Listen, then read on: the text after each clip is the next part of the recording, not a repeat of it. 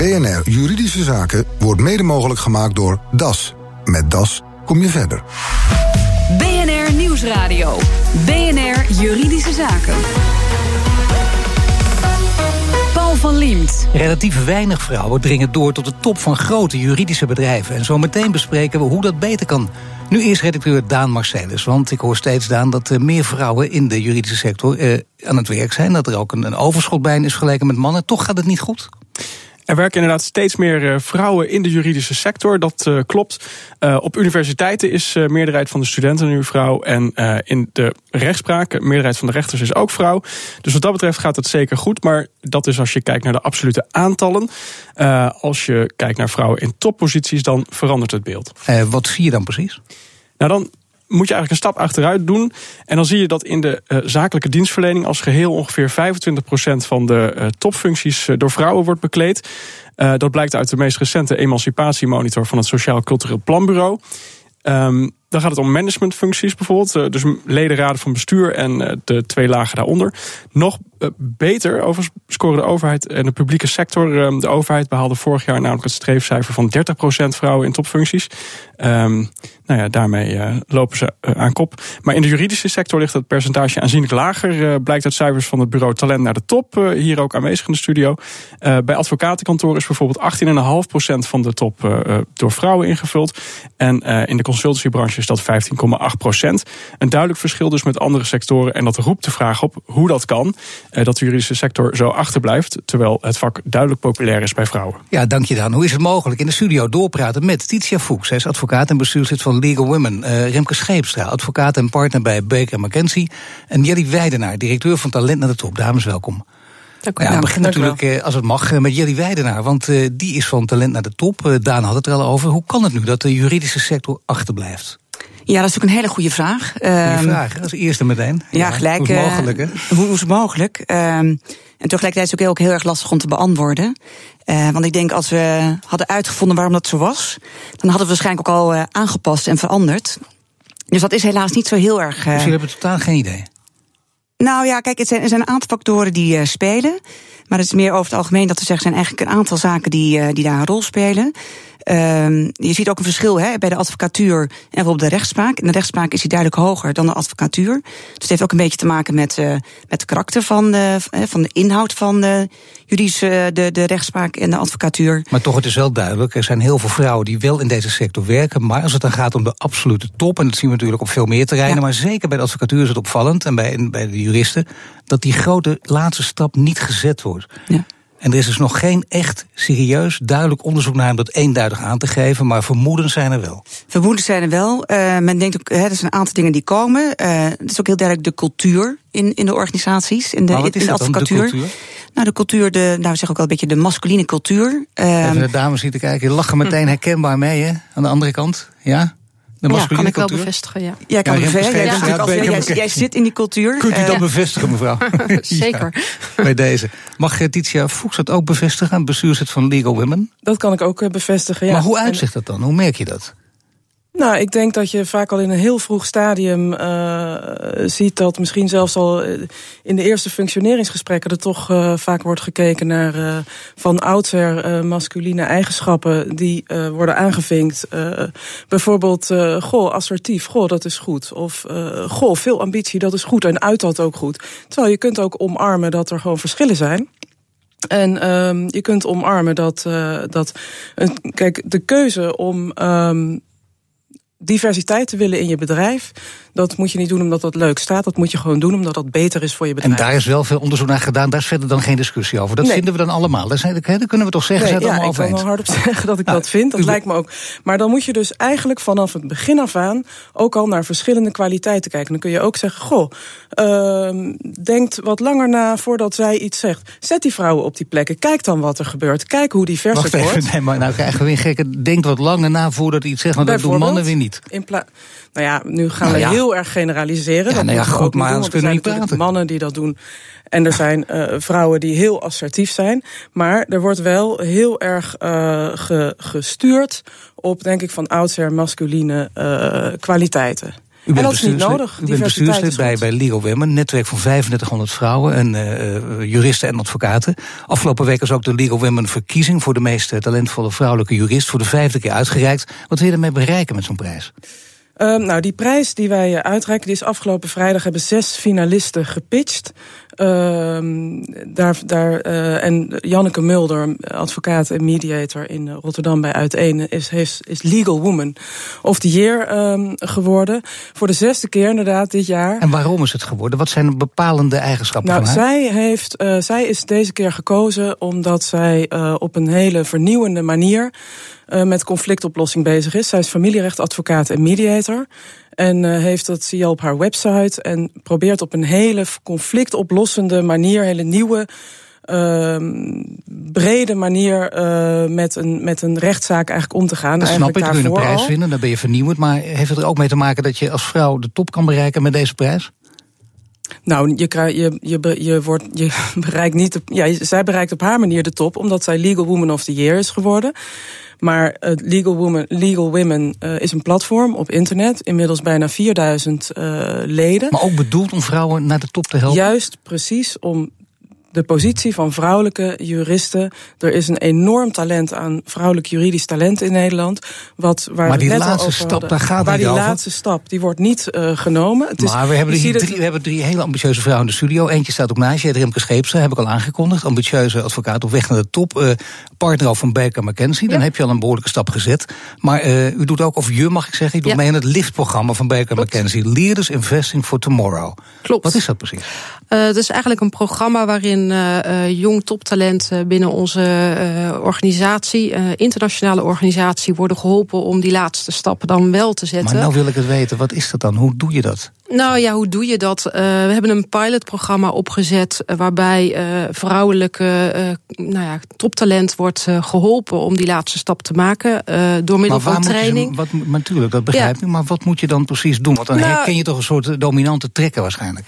Nou, ik denk dat juist vrouwen dat niet per se hebben. En uh, dat, dat mannen uh, een beetje op zoek zijn naar hun evenknie. Uh, terwijl dat niet altijd hoef, zo hoeft te zijn. En dat je eigenlijk moet profiteren van het verschil door diversiteit. Maar vertel je dat team. dan in een training of niet? Want je wil ook nee, niet dat ze gaan gapen en geeuwen. Je wil echt nee. dat je denkt, ik heb een training, daar stop ik tijd in. Dan moet er ook wat gebeuren. Nee, de training is eigenlijk meer om een awareness te creëren bij de vrouwen. Dat er verschillen zijn en hoe ze daarmee om moeten maar gaan. het zou al gelukt om partner te worden. Dus dan kun je nog een stap gaan zetten. Ik kan nog één laatste stap zetten. En hopelijk kan ik dat door middel van dit liftprogram, wat ook onder meer niet alleen training is, maar ook uh, bijvoorbeeld een sponsor binnen de internationale organisatie die je helpt met de politieke uh, uh, Als je bij de training om je heen kijkt en je praat met, met andere vrouwen die die training ook volgen, mm -hmm. waar gaat het dan vooral om? Als, als je tegen elkaar zegt, wat is dan precies nodig om een volgende stap te zetten en dan in grote getalen? Um, wat echt nodig is, is om achter je, achter je bureau uit te komen. En niet te denken dat je door alleen maar heel hard en goed te werken uh, die stap gaat maken. Maar dat je je toch een beetje moet aanpassen aan dat wat de mannen van je verwachten. Um, maar en wat verwachten die mannen dan van je? Dat is wel een behoorlijke uitspraak. Te netwerken en uh, zichtbaar te zijn, te profileren. En, en daar ik zou zeggen, je moet je werk zo goed mogelijk doen. Daar gaat het om, maar daar moet je voor beloond worden. Dat heb je in een meritocratie nodig. Ja, maar dat is, dat is een ideale niet wereld. Ja, dat is niet voldoende. Nee?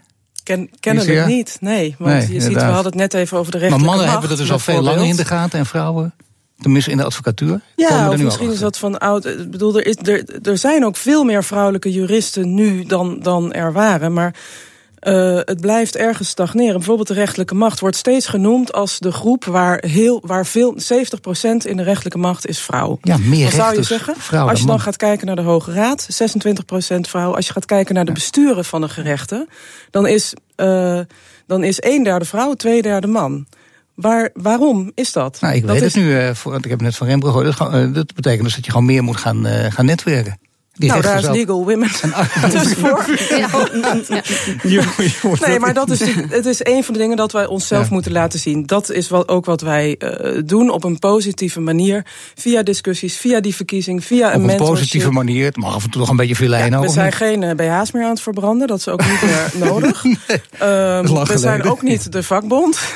maar nee. wij willen wel op een goede manier al die mensen... We hebben 11.000 mensen gestemd voor die verkiezing. Ja. We hebben ieder jaar tientallen mentees en mentoren die wij aan elkaar koppelen voor een mentorship. En dat zijn allemaal positieve manieren om al dat talent te laten zien. Jullie Weidenaar, speelt dit alleen in Nederland of speelt dit ook in de hele grote landen, zoals Engeland, Amerika? Nou, dit speelt, dit speelt eigenlijk overal. Dus niet alleen in Nederland. Uh, als je kijkt naar, naar beursgenoteerde organisaties, uh, dan zag je ook dat in Amerika er zelfs een daling is van het percentage vrouwen in raden van bestuur.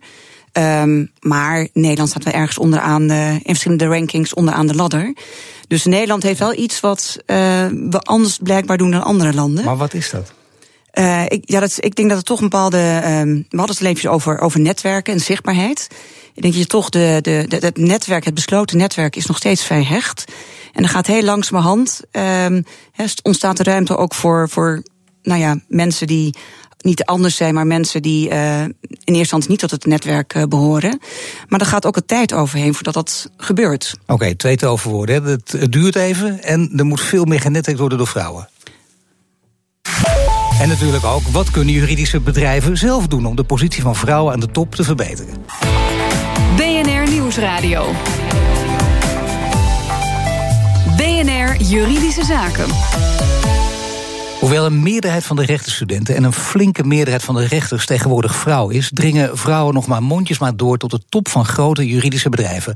Daarover praat ik met Jelly Weidenaar, directeur van Talent naar de Top, Titia Fuchs, advocaat en bestuurslid van Legal Women, en Remke Scheepstra, advocaat en partner bij Baker McKenzie.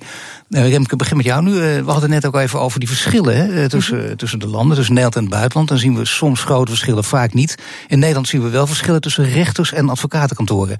Heel veel vrouwen kiezen er uiteindelijk voor om rechter te worden en kunnen daar eerder de top bereiken dan vrouwen die advocaat willen worden en partner en nog hoger willen worden bij een advocatenkantoor. Hoe komt dat? Ik denk dat dat ook grotendeels te maken heeft met het, uh, het arbeidsethos, zeg maar, zoals je dat hebt bij de rechterlijke macht en uh, de advocatuur. Bij de advocatuur ja. wordt toch grotendeels uh, verwacht dat je een soort van 24-7 bereikbaar bent voor je cliënt en ze bedient. en daarnaast denk ik dat het feit dat de Nederlandse vrouwen veelal parttime werken, een, een, een onderdeel is of een reden is waarom vrouwen binnen de advocatuur wat minder snel doorstromen. Nou, die laatste, dus je hebt betekent 24-7 beschikbaar. Ik zou bijna zeggen, dat zie je ook in de als het gaat om uh, lid van de Raad van Bestuur, dan zeggen mannen ook: ja, maar het kan niet anders. En veel vrouwen die daarin zitten zeggen het ook. Ja. En zeg ja, dat kan dan niet anders. Wat wil je dan? Dat je met, met een part-time baan uh, lid van de Raad van Bestuur bent. Of met een part-time baan uh, een belangrijke partner bij een groot advocatenkantoor. Titia, dat kan Waarom toch niet? Natuurlijk kan het wel. Nou, waarom niet? Om, ja. ja. maar dan is, het, uh, dan is het een heel makkelijke baan dus eigenlijk. Dan doet iedereen het verkeerd. Bovendien zijn vrouwen denk nee, maar dat is toch, dat is even serieus. Maar dat is toch helemaal niet reëel om dat te zeggen. Ik bedoel, de praktijk is toch ook iedereen die ik spreek, echt of spreekt mij graag tegen. Maar als je op zo'n functie zit, dan moet je er ook veel tijd in stoppen. Dat hoort erbij. Ja, tuurlijk moet je veel tijd in stoppen. En moet je daar veel voor over hebben. En heeft, als je echt naar de top wil, heeft dat een prijs. Of je nou man bent of niet. Nou. Of vrouw. Uh, maar om nou bij voorbaat al te zeggen... Uh, de top kun je niet bereiken met parttime werken. Ik vind parttime werken al zo'n... Uh, al zo'n begrip. Waarom zeg je niet gewoon, ik werk, uh, ik werk vier dagen of ik werk als ik. Bedoel, dat, dat, dat is al heel nou, erg als, alsof je twee, nou, alsof je twee, al, je twee ochtenden in de week uh, ergens. Dat is natuurlijk niet zo. werken mag je niet eens gebruiken volgens dit jaar. Nee, dat klopt. En ik denk, maar ik denk wel dat het Ik bij dat mannen een indicator is om te zeggen dat een vrouw niet ambitieus genoeg is. En dat, dat is een hele stellige uitspraak. Maar ik denk dat, dat, dat, dat het wel degelijk zo is. Omdat de advocatuur in het algemeen gewoon nog heel ouderwets is. Nou, maar laten we zeggen, ja, is- merk je dat toch nog steeds? Ja. Ik bedoel, Ja. het is wel Ja. bijna 2018, hè? Maar Ja, nee. waar, dat ouderwetse, waar zit hem dat in? Eh, Nog steeds liefst eigenlijk in een achterkamertje sigaren roken? Nou ja, gewoon het idee Mannen dat. bij elkaar? Nou, dat, maar ook ehm, dat mannen eh, toch op zoek zijn naar hun evenknie. En, en, en zeg maar, eh parttime werken daarbij hoort daar, hoort daar niet bij. Dus als jij een dag niet op kantoor bent, wordt er gedacht dat je niet werkt. Terwijl dat op zich wel zo is. Want vaak zit je dan toch thuis eh, achter de, de Blackberry, die bijna niet meer bestaat, maar de iPhone of je laptop te werken. Typemachine? Ja, nou, die niet meer. Maar ehm, wat dan minder zichtbaar is. Ehm, ja, maar dat We wil moeten even naar Jelly nou, hè, van Ja. eh, talent naar de top. Want eh, zie je dat in brede zin inderdaad zo? Dat, bedoel, of is, is de, want de advocatuur nog steeds onderscheidt zich in conservatisme van andere beroepen? Uh, die onderscheidt zich wel, maar aan de andere kant, ik denk dat uh, überhaupt Nederland eigenlijk vrij conservatief is, om eerlijk te zijn. Maar wat je toch wel ziet, is dat inderdaad het, uh, het letterlijk zichtbaar zijn, dat is gewoon heel erg essentieel. En daar zitten eigenlijk natuurlijk wel twee kanten aan. Want de ene kant, als je niet laat zien wat je kan en, en wat je hebt gedaan, dan wordt het ook heel erg lastig voor de andere kant om te beoordelen of jij daadwerkelijk goed bent.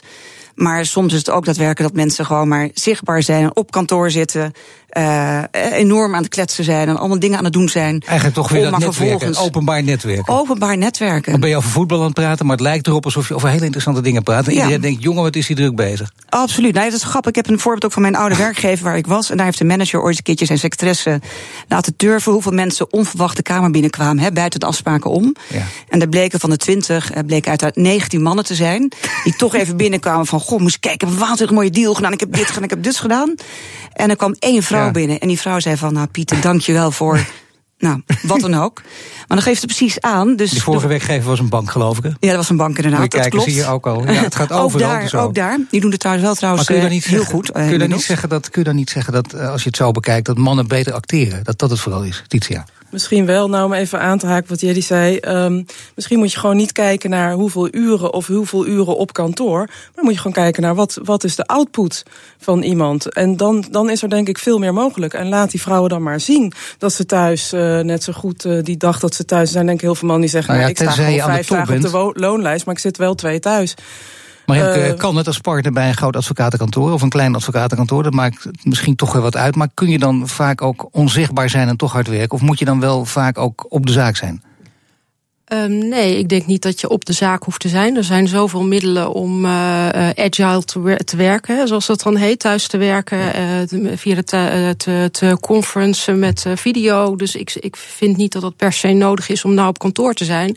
Wil niet zeggen dat ik vind dat je helemaal niet op kantoor moet zijn, want je moet wel zichtbaar zijn en ook een, een rol En toch ook iets meer gaan acteren? Heb je dat zelf Ja. bijvoorbeeld aangeleerd? In die klasjes ook? Nee, maar echt serieus? Dat, Ja, dat ze nee, zeggen, dat- nou, ja, het zit nou- niet in mijn karakter, maar ik doe het toch? Nou ja, ik zal, ik zal daar nog een stap moeten maken. Maar, eh, Ja, maar eh, ik weet, ik weet wel dat het dan? nodig is. Nee, ja, kijk. Ik, Je ik bent van nature bescheiden, maar ben je van, van nature bescheiden, inderdaad. En eh, ik weet dat, dat, dat, we daar, dat ik een aanpassing moet maken om zeg maar, de, Dus de, de next aanpassing step is te een maken. vergadering niet zeggen, nou dat hebben wij samen bedacht, maar ik heb gezegd en ik heb bedacht en dat gaan we nu uitvoeren.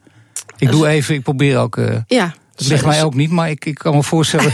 ja, dat je gaat je natuurlijk af. Oh, toch wel. Nou, hier heb je het al, hè? Zie je? Terwijl ik niet eens die ambitie heb. Maar kijk, als je dan kijkt naar eh, bijvoorbeeld eh, de, part, het partnership, eh, belangrijk. eh, dat heeft een bepaalde structuur. En dat is ook knokken en vechten. En dan wordt er uiteindelijk geroepen: het is me gelukt, ik ben daar gekomen. Is dat iets wat zou moeten veranderen in de advocatuur? Of moet je, heeft, heeft dat er helemaal niets mee te maken? Nou, ik denk, kan daar. nou ja, als je, Jullie. weet je wat jij ook eerst zei aan het begin van, je moet eigenlijk bedenken als je, ehm, hè, wat je uiteindelijk wil bereiken en hoe je ook denk ik het beste je klanten kan bedienen. Ehm, en als je denkt dat diversiteit daar een rol in speelt, dat dat belangrijk is voor je kantoor, dat het een business case is, dan betekent dus dat ook dat je aanpassingen moet doen. En aanpassingen moet doen aan de ene kant kan je zeggen, hè, we gaan eh, de vrouwen fixen. Met allemaal heel mooie programma's. Dat is hartstikke leuk. Vrouwen fixen. Nou ja, de programma's die we zeiden, hè, je bent heel bescheiden, maar je moet zorgen dat je wat eh verbaler wordt of dat je wat zichtbaarder wordt. eh Nou ja, in maar de dat, dat zeggen jullie nu, maar het lijkt heel flauw. Heel lang is dat niet uitgesproken. hè? Maar Doe je waarom net- moet je niet Nee, maar- gewoon eh, consequenties eh, daaraan verbinden? De overheid heeft nu eh, in het voorjaar van dit jaar opnieuw ingesteld dat er een, 30, een streefgetal van 30% in de vrouwen in de raden van bestuur en de raden van commissarissen moet komen. Eh, maar maar wat, daar zijn geen consequenties aan. verbonden. Afrekenen op Bedrijven quota. die gaan gewoon ieder jaar weer zeggen, of kantoren, of eh, gaan gewoon ieder jaar. Nou, we hebben het geprobeerd, maar het is helaas niet gelukt. Ik bedoel, een gemiddelde voetbaltrainer die zegt: ik ga binnen drie jaar Europees eh, spelen. Die ligt er gewoon uit als dat niet lukt. Ja, Sterker is dat een idee? 2,5 Heb je gewoon gaan- afrekenen? Zit hij al een- niet lekker een- meer? Een quotum, een Ja. quotum nee, dat gaat per dag nu, ja. Een quotum instellen en dan eh, afrekenen? Ja, ik denk dat het op zich niet. eh, niet, eh, niet Maar zou je dat prettig vinden dat je vanwege het quotum dan nou, ik denk dat het ook een deel eh, soort van awareness creëren bij de mannen is. Kijk, je kunt bij de vrouwen wel alle awareness creëren dat ze zich moeten aanpassen aan het mannelijk talent. Maar ik vind dat dat andersom ook zo moet zijn. Dus diversiteit gaat twee zijden op. En hoe gaat het bij Baker en McKenzie? Want ze luisteren mee. We doen onze best met eh, unconscious bias eh, trainingen en dergelijke. Ja. Ja, dus volgend jaar dan praten we misschien weer en dan over hetzelfde onderwerp en dan zijn die percentages flink gestegen, jullie, of niet? Nou, ik zou het hopen. Ja. Daar- Daar wordt wel aan Wellicht gewerkt. wordt hard Ja. aan gewerkt, maar dat, eh, nee, dat denk ik niet. Je ziet überhaupt Dat je niet. nee. We gaan er positief mee Ja, eindigen. het. Nou, ik dank jullie, de dank jullie voor dit gesprek. Remke Scheepstra, advocaat en partner met Baker en McKenzie. Jullie wijden naar directeur talent naar de top. En Titia Fuchs, advocaat en bestuurslid van Legal Women. BNR Nieuwsradio. BNR Juridische Zaken. Geert Jan zag in zijn nieuwe koophuis een grote vochtplek. Is dat een verborgen gebrek waarvoor hij de verkoper of de keurmeester aansprakelijk kan stellen? Het verslag is van Daan Marcellus. Geert-Jan, je hebt een mooi nieuw huis gekocht. Uh, we staan nu in de berging van dat huis. En uh, tijdens de werkzaamheden kwamen jullie hier voor een verrassing te staan. Vertel. Wij wilden deze bergingskasten van de bijkeuken uh, even aan de kant schuiven. Die bergingskasten hadden we overgenomen van de verkopende partij. En toen we ze wegtrokken, zagen we ineens uh, schimmelplekken. Nou, laten we die kasten inderdaad even van de muur trekken. Dan zie ik het misschien ook. Ja, dat is hem. Een grijze schimmelplek bij de grond. Um, die is niet opgevallen ook bij de bouwkundige keuring dus? Nee, die is niet opgevallen omdat de grens van de kast precies tot die uh, uitgestraalde schimmelplek leidt. Ik wil weten of ik hier iets zelf aan kan doen. Of uh, dat hier sprake is van een uh, grotere fout, dat dit misschien vanuit de spouwmuur komt, vanuit buiten. Want dan zou het kunnen dat dit een duur geintje wordt.